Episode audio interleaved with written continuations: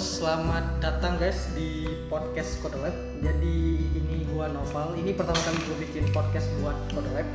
Nah, jadi di podcast sekarang gue mau ngobrol sama salah satu anggota Code Lab ya, yaitu Kang Lukman. Kang Lukman ini mungkin Kang Lukman boleh boleh boleh gimana Kang Lukman boleh memperkenalkan diri dulu. Oke, halo. Eh, saya Lukman. Sekarang aktif di Code Lab sebagai Android developer. Saya mulai masuk Code Lab di tahun 2016 dan ngoding Android sekitar ya sekitar satu tahunan lebih. Oh pasti udah cukup lama ya masuk Code Labnya ya. Berarti udah banyak terlibat di pembangunan produk juga ya. Hmm, bisa jadi sih. bisa jadi. bisa jadi. Oke Kang Lukman. Jadi Kang Lukman sekarang sedang sibuk apa Kang Lukman? Sekarang lagi skripsian sih. Skripsian. Bahas apa tuh skripsinya? Kan skripsi informatika tuh bisa banyak tuh pembahasannya. Kalau Kang Lukman bahas apa? Bahas apa? Skripsi itu saya ambil ini kelompok B kalau di IF. Nah kalau kelompok FB nya saya ngambil topik apanya saya tentang reengineering Nah, kelompok B ini maksudnya kelompok B di Unicom ya. Di Unicom ada di kelompok B. Kalau di, di IF informatika. di informatikanya di kelompok B ya. Itu apa Kang? Kelompok B itu ngebahas apa? Kalau kelompok B itu dia sebenarnya lebih banyak ke data sama software quality. Saya ambil yang bagian software quality-nya. Oke, software quality. Jadi kalau berarti ngebahas software quality.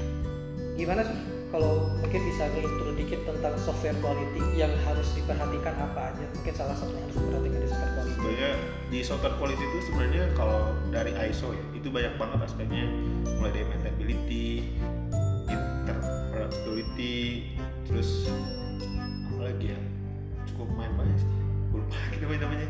Cuma dari SQE itu biasanya topik yang paling banyak dibahas tuh namanya maintainability. Maintainability itu sebenarnya apa nih? Maintainability itu sebenarnya dia kalau misalnya kita punya aplikasi nah si aplikasi itu misalnya kita bangun kan biasanya nggak nggak buat diri kita sendiri kan. Ada ada orang lain yang bakal ngebangun lagi si proyek kita nih. Atau si proyek kita misalnya aplikasi kita misalnya skupannya cuma satu skupannya dianggap skala kecil nih. Nah pas kita tambah-tambah modul tambah-tambah modul apakah masih bisa ditambah modul atau enggak? Biasanya ada istilahnya tuh spaghetti code. Jadi spaghetti itu jadi kodenya berhamburan. Jadi kalau bisa pengen nambah modul biasanya kodenya eh kita nama namanya gimana? Biasanya nggak merusak si aplikasinya. Jadinya kita nggak bisa melihara si aplikasi.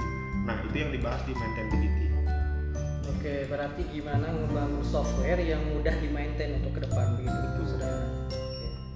Nah, uh, yang yang harus diperhatikan mungkin ada langkah yang harus dilakukan misal ini uh, kan rencananya saya juga mau ngebahas tentang desain pattern. Nah, Kalau desain pattern itu masuk ke situ ya? desain pattern tuh masuk sebenarnya dia masuk ke mana ya? sebenarnya desain pattern tuh masuk ke semuanya sebenarnya desain pattern tuh dia cuma solusi dari yang orang-orang jadi ada orang-orang yang terus dia nge, eh, ngedokumentasiin nih cara dia ngesolusiin permasalahan nah disebut desain pattern nah pattern tuh kan ada yang terkenal game over gitu kan Oke. Nah, cuma di selain di game over tuh banyak juga pattern. Cuma eh, kebanyakan nih dari kita sendiri kita suka pakai pattern sesuatu, tapi kita nggak tahu ternyata itu tuh yang kita pakai dari pattern. Contohnya nih, kalau misalnya kita di Android ada istilahnya tuh adapter, adapter. Nah itu sebenarnya termasuk juga ke desain Jadi kadang-kadang orang nggak sadar bahwa dia udah pakai desain pattern gitu. Iya. Jadi, nah sebenarnya kalau misalnya kita pengen bangun software yang bagus ya, kan kalau sebenarnya setahu saya desain pattern itu dia ngacunya ke screen arsitektur. Screen arsitektur itu dia ada istilahnya ada istilahnya solid. Iya. Nah di solid itu dia bilang katanya kalau misalnya kita pengen bangun eh, desain atau misalnya desain yang bagus, dia harus diawali dengan ya kalau kita bisa pengen ngebangun rumah nih, Iya. itu kan kita bikin apa sih rancangannya nah cuma ada istilah itu batu batanya. Nah batu batanya itu harus bagus juga. Jadi kalau misalnya si rancangannya bagus tapi si materialnya jelek itu sama aja bohong yang saya dapat dari bukunya Filosofsi Arsitektur. Nah makanya si desain pattern itu dia eh, beririsan dengan istilah namanya clean Kalau clean itu gimana? Apa yang dipertimbangkan dari clean code itu? Apa sih yang menjadi bagian pembahasan tadi clean code itu? sebenarnya yang bahasan dari clean code tuh banyak sebenarnya. ada clean ada istilahnya tuh clean function clean comment yang tapi intinya tuh dia dia ngebahas bagaimana lebih mudah kita membaca suatu kode jadi kodenya lebih enak dibaca kayak gini. misalnya nih ada istilah itu variable name-nya harus bagus nih Hmm. Kita ambil contohnya kita suka kalau misalnya kita bikin formula Iya. terus ada kita istilahnya x y z misalnya Hmm. nah ke depannya nih, di ke depannya kita eh, si programmer sendiri yang dia bikin yang ngebikin malahan suka lupa itu variabel apa nah di clean di clean code bahas di kita nggak boleh gitu misalnya x itu misalnya dia adalah suhu kita tulis aja suhu masalah nama variabelnya banyak itu nggak masalah Panjang maksudnya agak panjang. pan- panjang itu masalah nih. Jadi dulu tuh pernah ada satu pembahasan Oh misalnya kalau nama variabelnya panjang berarti ngaruh ke performa atau enggak ya? Nah itu balik lagi ke si developernya. Dia pengen eh, si kodenya dia termaintain dengan baik atau dia ngomongin performanya. Jadi kalau misalnya pengen ya kayak pengen termaintain dengan baik ya harusnya ini. Ini ngomongin variabel. Dan sebenarnya sih kalau masalah performa misalnya sizing gitu kalau sekarang udah nggak terlalu dibahas lagi sih soalnya size-nya udah pada gede kalau sekarang Apa tuh? size size Oh untuk ukuran gitu. ukurannya Oke. Berarti itu salah satu contoh tadi ya. X jangan pakai X gitu kalau kasih nama variabel tapi harus lebih jelas tujuannya apa dia menjelaskan dia itu apa gitu sih variabelnya. Oke. Kalau desain pattern ini dia bergantung nggak misal dengan paradigma pemrograman misal kayak OOP atau functional programming gitu. Kalau nggak berpengaruh ke situ. di bukunya Clean Architecture dia bilang saya berbilang Clean Architecture jadi dia bilang eh, apakah si Clean Architecture ini terpaku sama salah satu paradigma dia bilang enggak ini enggak enggak ter, ter apa sih ter terpaku sama be- Melekat ke salah satu gitu Iya, itu bisa dipakai di beberapa paradigma malah. Makanya di di bukunya Clean Architecture di awal-awal dia bahas tiga paradigma, yang OP, struktur, struktur sama yang fungsional. Oke. Cuma waktu implementasi, sepengalaman saya memang dia ngom- ngomonginnya tentang OP. Soalnya yang di buku yang saya baca kan dia dia tuh dia pakai contoh kasusnya pakai ini Java dan Java tuh notabene-nya OP. Oke, tapi kalau solid memang harus di OOP ya, solid ya, solid principle. Hmm, kayaknya iya harus dari UB. Soalnya saya belum pernah coba juga fungsional. Oh, Oke. Oh, tadi kan Kauman nyebut beberapa hal ya, misal kayak clean architecture, terus design pattern, terus clean code. Nah, sebenarnya itu posisinya gimana sih mereka itu sama atau menjadi memang berbeda atau menjadi satu bagian dari yang lainnya? Itu gimana posisinya? Kalau misalnya dia sebenarnya kalau ngomongin code sama pattern mereka tuh kayak satu bagian yang sama yang nggak bisa dipisahin. Sebenarnya gitu. Kayak misalnya design pattern dia bilang eh, kenapa design patternnya gini misalnya contohnya. Nah dia karena ngikutin satu top eh, apa itu single, res- single responsibility. Nah misalnya kita bikin di clean code dia bahas katanya kalau fungsi itu dia cuma satu tanggung, jawab. Nah implementasi dari si clean itu bisa kita lihat di design pattern. Nah design pattern gini karena di clean code konsepnya harusnya gini, fungsi itu harusnya gini. Nah makanya design patternnya gini, gitu. Oh, oke. Setahu saya gitu. Kalau kalau solid itu design pattern bukan? Solid. Solid itu prinsipal, Bagian dari design pattern atau seperti itu? enggak itu beda. Itu kalau solid itu dia prinsipal. Jadi prinsipal tuh kayak kayak aturan, kayak sebutnya. Kayak misalnya tuh eh, design pattern tuh dia ngomongin solusi. gimana cara misalnya misalnya kita pengen ngatur behavior aplikasi nih nah behavior aplikasi itu misalnya kan banyak ada istilah itu MVC Iya. MVC kalau di web atau MVP di Android nah itu kan ngomongin behavior Iya. nah itu desain pattern desain jadi keseluruhan Jadi ngedesain itu pakai desain pattern Berarti mirip arsitektur gitu. hmm, MVP, MVVM itu arsitektur bukan? Bisa dikategorikan arsitektur bukan? Atau itu desain pattern? Kalau disebut arsitektur. Bisa sih. Cuma yang gua kemarin juga sempat baca-baca itu masuknya tuh ke software design ya. Jadi kalau misalnya ngomongin software arsitektur tuh sebaca saya tuh ada istilahnya tuh monolit sama microservices. Oh, oke. Cuma saya nggak terlalu ke sana jadi kalau nggak salah tuh ngomong arsitektur tuh dia lebih ke environmentnya. Bagaimana si layanan tuh di handle sama satu satu apa sih namanya? Satu modul atau apa gitu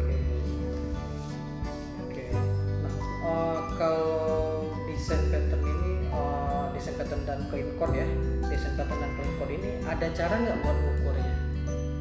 ngukur apanya nih Untuk mengukur seberapa seberapa mudah software ini atau kode ini untuk di maintain ke depannya. Apakah ada cara buat mengukurnya? sebenarnya cara ngukur kalau misalnya desain pattern ini bagus atau enggak ini itu tergantung sama orangnya ya. cuma cara ngukur biar ada istilahnya kalau misalnya di software itu tuh istilahnya kompleksitas dia ngomongin kompleksitas jadi kalau di software itu dia semakin kompleks aplikasi itu semakin susah termaintainnya jadi kalau misalnya di aplikasi itu satu fungsi dia terlalu banyak if Iya, terlalu banyak fungsi gitu. terlalu banyak fungsi itu di enggak di satu di satu fungsi dia terlalu banyak Tanggung jawab. tanggung jawab Oh, itu bakal susah nge-maintainnya. Nah, di desain pattern tuh eh enggak bener. Ada salah satu ukur yaitu namanya Silomatic Complexity. Nah, Silomatic Complexity itu dia dia mengukur berapa cabang logika yang bakal terbentuk dari suatu kelas kode atau dari suatu metode. Jadi metode ini dia ada berapa cabang kode tuh. Jadi misal eh, ada flow graph misalnya oh if else if else if else semakin banyak si flow graphnya semakin jelek. Nah si desain pattern itu biasanya dia ngesolusiin biar si kompleksitasnya nggak terlalu banyak. Makanya dia biasanya oh kalau kompleksitasnya terlalu tinggi kita pecah si kelasnya. Jadi eh, oh ini tanggung jawabnya ke sini nih. Misalnya ini nge kalau passwordnya salah misalnya, ada ini ini kelas yang buat handle kalau passwordnya salah. Validasi password. validasi password. Ini kalau misalnya validasi username ini misalnya. Nah ini jadi dibagi dua tanggung jawab. Berarti semakin dibikin si softwarenya sesimpel mungkin gitu ya. tuh jadi semakin simpel aplikasi semakin simpel si kodenya semakin termaintain si kodenya juga. Oh,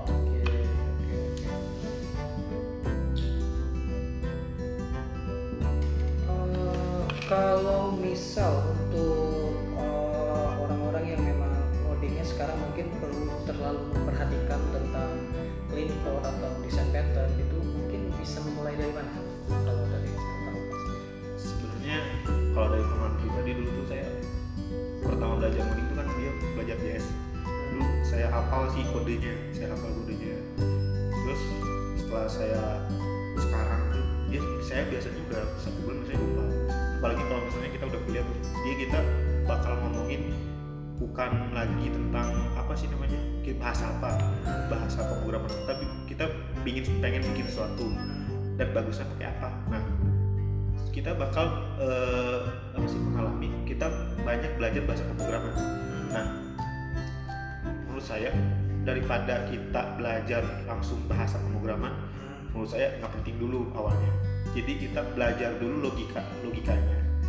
Jadi misalnya tuh kalau dulu tuh di Unicom dia ada istilah itu eh, algoritma pelajaran algoritma sama eh, struktur data. Nah dia bahas bagaimana misalnya kita mau bikin link list nih link list nah gimana cara kerjanya link list kita bikin nah, kita nggak nggak langsung ke kodenya.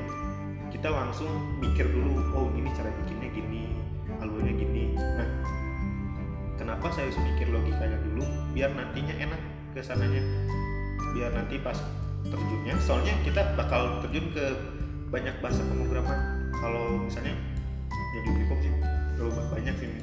nah terus kalau misalnya menurut saya sih kan yang paling sebenarnya sebenarnya yang menurut saya sekarang tuh yang di lingkungan saya yang paling banyak itu kan pakai OP Iya.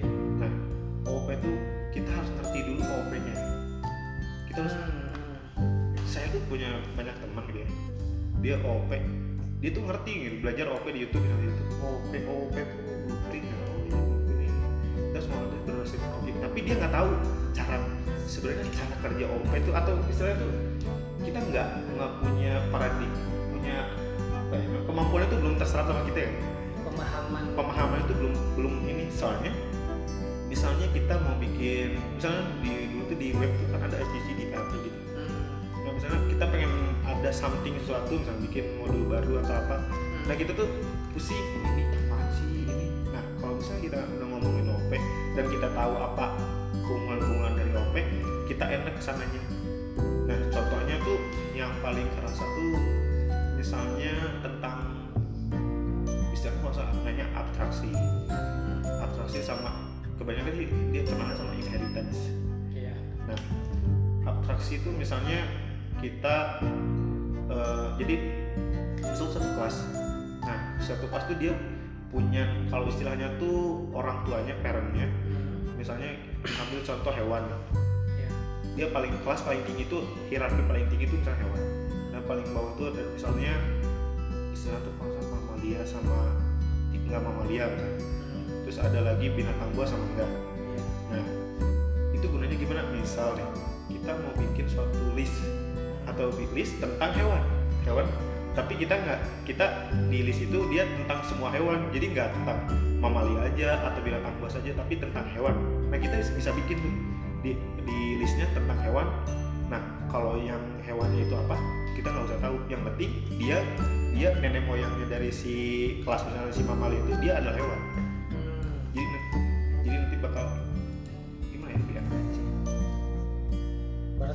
Inheritance-nya banyak dong kayak tadi enggak? inheritance-nya ya banyak nah ya ini ada pembahasan lagi nih jadi kan deskripsi saya nih Ya. dulu tuh saya mikirnya semakin banyak kelas dipakai di banyak kelas itu semakin bagus Semakin apa? Don't repeat yourself-nya lebih kerasa gitu. ya itu kan du- dulu saya Hmm. saya mikirnya don't repeat yourself cardboard ini pakai mana-mana itu lebih jadi lebih bagus nah di di skrip saya dia bahas ada istilah itu reusability reusability. Nah kalau di Israel ada dia tuh si kelas dia nggak boleh dipakai lebih dari tujuh kali. Jadi kalau dipakai tujuh kali si aplikasinya eh si reusability-nya jelek.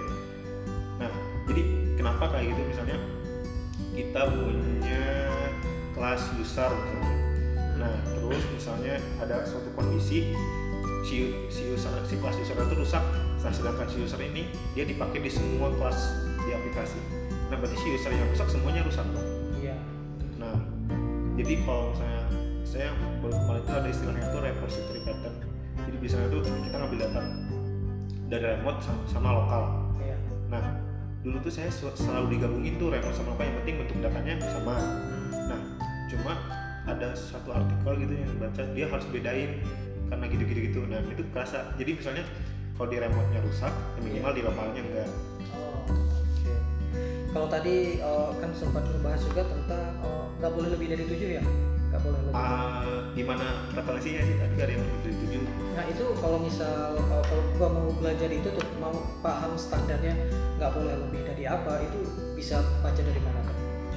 Sebenarnya kalau pengen ngomongin lebih dari tujuh sebenarnya dari paper sih tentang software quality cuma menurut saya jangan dulu ke situ dulu ngomongin dulu mending ngomongin dulu clean arsitektur dulu. Jadi kita belajar dulu tentang clean arsitekturnya terus ngomongin design pattern. Nah cuma usahain kan kalau misalnya di biasanya tuh di buku tuh dia dia jelasin dulu kelas diagramnya dan masalahnya. Nah baru baru ngomongin apa gitu ya. Bisa belakangan soalnya sebenarnya kalau desain patternnya udah bagus biasanya si reusability juga udah bagus Ngikut berarti dia. ya gitu Oke. Oh, oh, berarti buku itu nama judul buku ya Clean Architecture. nama buku ya namanya bukunya clean arsitektur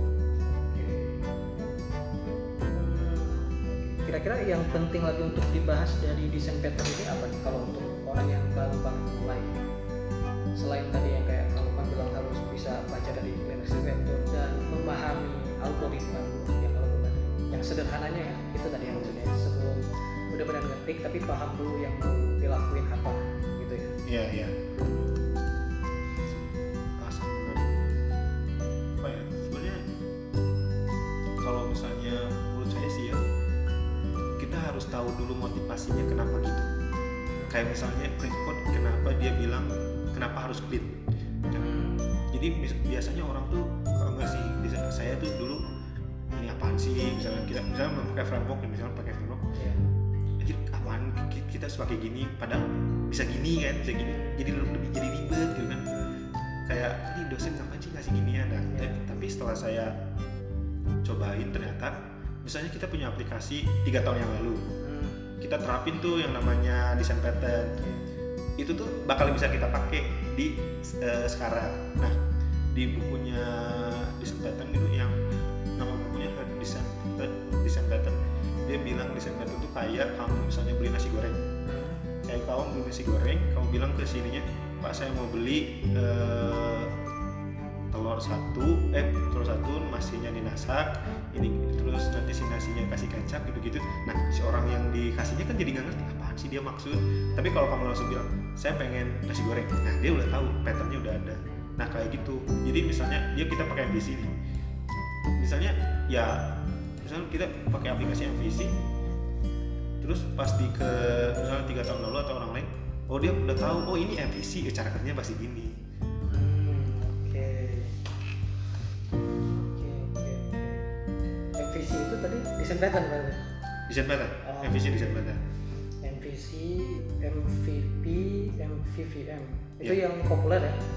kalau di Android yang populer tiga itu ya cuma kalau MV sebenarnya ini ini sebut ironi banget apa ya? Jadi saya pernah neliti di ada ada paper yang neliti kan sebenarnya MVC itu dia desain pattern model lama ya? Desain pattern model lama. MVC. MVC itu desain pattern model lama. Jadi dia dulu banget tuh nah pokoknya yang saya tahu tuh yang paling banyak itu harusnya MVP kalau enggak MVVM Nah, tapi setelah saya baca paper tahun pokoknya papernya kalau nggak salah 2018 lah atau 2017 ternyata di Play Store itu banyaknya malah bukan bukan MVC atau eh bukan MVV atau MVVM malahan MVC di Android. Kenapa bisa gitu? saya kurang tahu sih kenapa kenapa MVC kayak nggak nggak tahu juga. Mungkin kebanyakan tuh dia nggak terlalu merhatiin desain pattern sih. Kayak misalnya oh ini kita biasanya sih orang tuh pakai framework terus pakai MVC oh ya MVC itu itu? Oh iya. Nah malahan kebanyakan yang kemarin tuh ada teman dia MVC tapi dia nggak ngerti MVC itu apa pokoknya ini MVC aja Iya. Nah, saya lihat ada codingan yang coding itu misalnya MVC, tapi dia nggak eh, nggak optimalin apa istilahnya model. Jadi Hmm. istilah model. Jadi saya lihat tuh semuanya dikontroller semua. Ya. Nah itu kan jadi istilahnya kayak kayak struktural programming kan, kayak semuanya di handle sama satu aja gitu. Jadi si MVC-nya nggak guna. Padahal harusnya kita si misalnya tentang oh ya di model tuh model tuh kalau di MVC atau desain pattern biasanya disebutnya tentang interaksi antara aplikasi dengan data. Hmm. Nah biasanya kita bikin lagi tuh namanya model. Nah in- interaksi dengan data logika tentang data kita namanya di model gitu. Mau select select gitu gitu gitu kita di model. Nah di view tuh dia benar-benar kita bukan di view, nah, di view tuh kita benar-benar logika waktu di di view-nya kayak step kalau stepnya gini gimana? Kayak stepnya diklik klik Oh, iya, iya. step diklik ini set masuk nah si si view tuh biasanya dia cuma ngasih step dan ngasih tahu controller. Hmm. oh controller nih nah si controller yang ngatur logikanya. Dia si controller yang nyuruh nyuruh si view sama si model. Jadi kalau saya oh si view lagi on click nih terus si controllernya panggil model tuh oh gue butuh oh, model gue butuh data ini. Gitu Terus Oh, view boleh nyentuh model ya?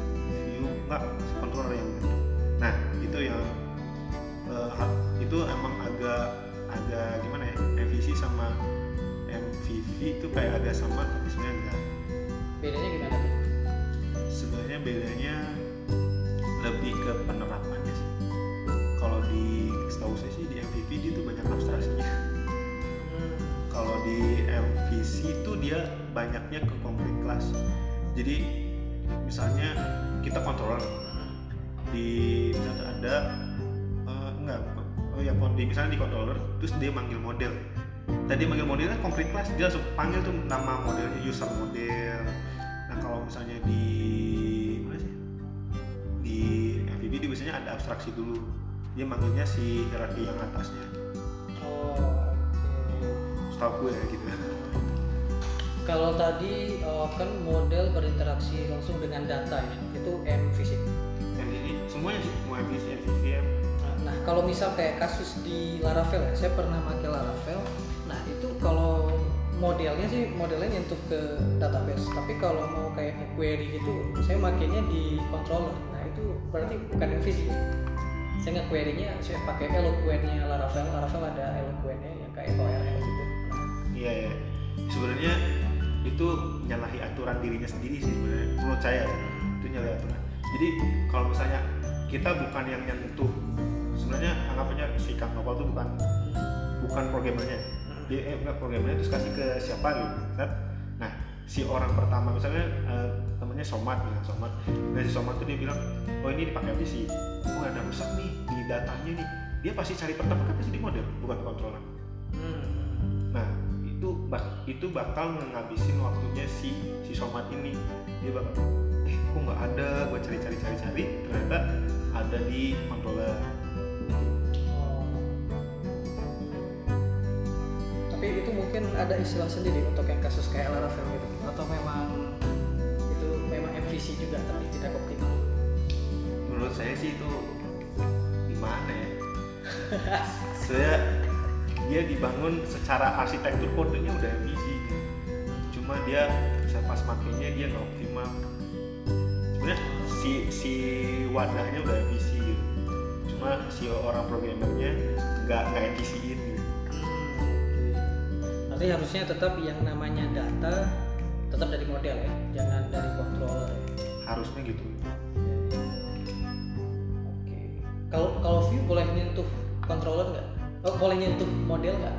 nah se- sebenarnya kalau saya pernah baca baca itu sebenarnya boleh ya itu video manggil si model cuma kayak gimana ya? Itu jadi kayak si logika kontrolnya si kontrolnya jadi gak guna harusnya.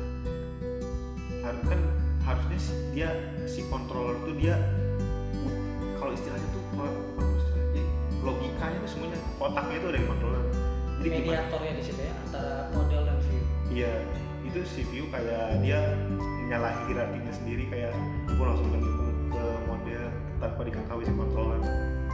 Nah jadi sebenarnya sih kalau menurut saya sih nantinya tuh lebih enak pas testing. Jadi nanti pas oh jadi nanti banyaknya ngetes tuh banyaknya nanti bakal di controllernya. Oh. Berarti tadi lebih nyaranin nggak nyentuh ya, view jangan nyentuh model ya. Gitu. Iya. Oke. Tapi kalau dari konsepnya itu katanya boleh.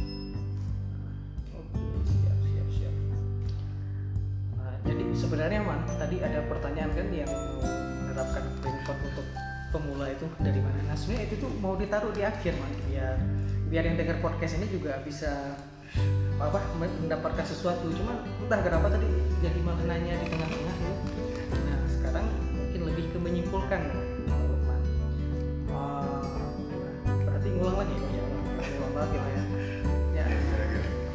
mungkin lebih tadi kan ngejelasinnya cukup panjang lebar ya tentang mulainya dari mana. Mungkin kalau di poin-poinin bisa mulai dari apa tuh? Untuk uh, untuk orang yang belum pernah berpikir atau peduli dengan desain pattern atau clean code atau clean arsitektur bisa mulainya dari mana?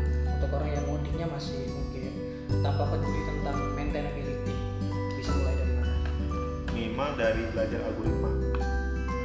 Contoh sederhananya misalnya algoritma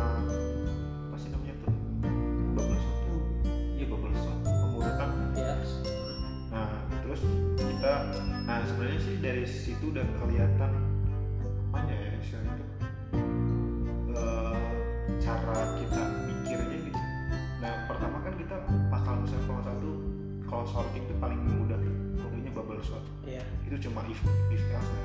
Terus kita mikir lagi kan secara performa ternyata yuk lebih lama. Gimana caranya kita pengen lebih cepat. Nah kita mikir lagi kan Loh, terus dia bakal oh ini cara caranya ada cara gini. Nah jadi kalau menurut saya, saya sih belajar semua di aplikasi Microsoft tuh ada soal algoritma kalau nggak salah. Dia bagaimana proses cara kerja algoritma. Nah, apa ngitungin space complexity dan time complexity? Nah dia ngomongin cara kerja algoritma. Oh ngejelasin alurnya gitu ya? Iya alurnya. Nah jadi kalau bikin algoritma itu kan biasanya kita kayak ngejelasin tahap-tahapnya kita. Kita harus ke kebangun dulu pola pikir cara bikin tahap-tahapnya itu. Hmm. Jangan kan biasanya tuh kita tapi saya jadi, kalau kita misal pengen bikin sesuatu kita biasanya langsung ajar kan nggak mikir dulu biasanya kita nge-spend banyak waktu buat ngedebug code istilahnya itu Iya. oh ini oh, harusnya di if else ini harusnya di ini ini nah jadi si pola pikir itu nggak kebentuk dari awal maksudnya dari awal kebentuk kan kita si itu tuh biasanya lebih pas ngodingnya malah jadi lebih cepat jadi harusnya sih lebih banyak pikir di awal baru ngedibang kok Oke. Berarti setelah algoritma, misal algoritmanya mungkin udah Oke. lumayan mahir gitu atau mungkin udah oke ya udah oke gitu, kemudian bisa lanjut ke paradigma programming misal kayak OOP atau functional programming gitu ya. ya tapi kalau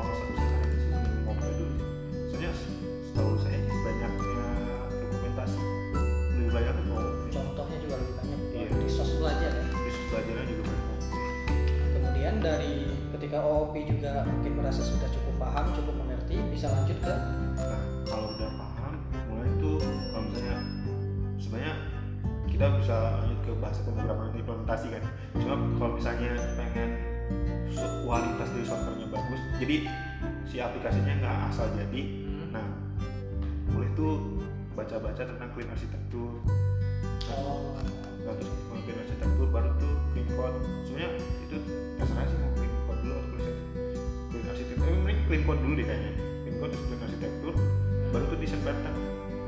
ya berarti desain pattern kalau udah ngelewatin tahap-tahap yang tadi ya di akhirnya baru desain pattern gitu. Iya, soalnya desain pattern itu sebenarnya dia solusi. Solusi yang udah ada programmer dari mana? Oh dia kalau mau ada permasalahan kayak gini, solusinya gini. Jadi kita pakai solusi mereka. mereka yang udah pernah ngalamin dan udah tahu apa lebih dan kurang dari suatu pattern gitu Iya. Jadi kita pakai. Jadi kita nggak harus mikir lagi gitu gimana caranya. Oh ini solusinya harus gimana? oke oke sip lah berarti cukup jelas ya dari Kang Lukman tadi tentang jadi ada yang bisa kita ambil dari podcast kali ini terima kasih Kang Lukman sudah meluangkan waktunya Oh, terima kasih. podcast Kode Lab ini mungkin nanti lain kali kita bisa ngebahas lagi hal yang lain atau mungkin kita bisa membahas dari poin-poin yang tadi tapi mungkin bisa dibahas lebih dalam ya semoga Boleh. terima kasih Kang Lukman Oh, terima kasih Kang Nopal.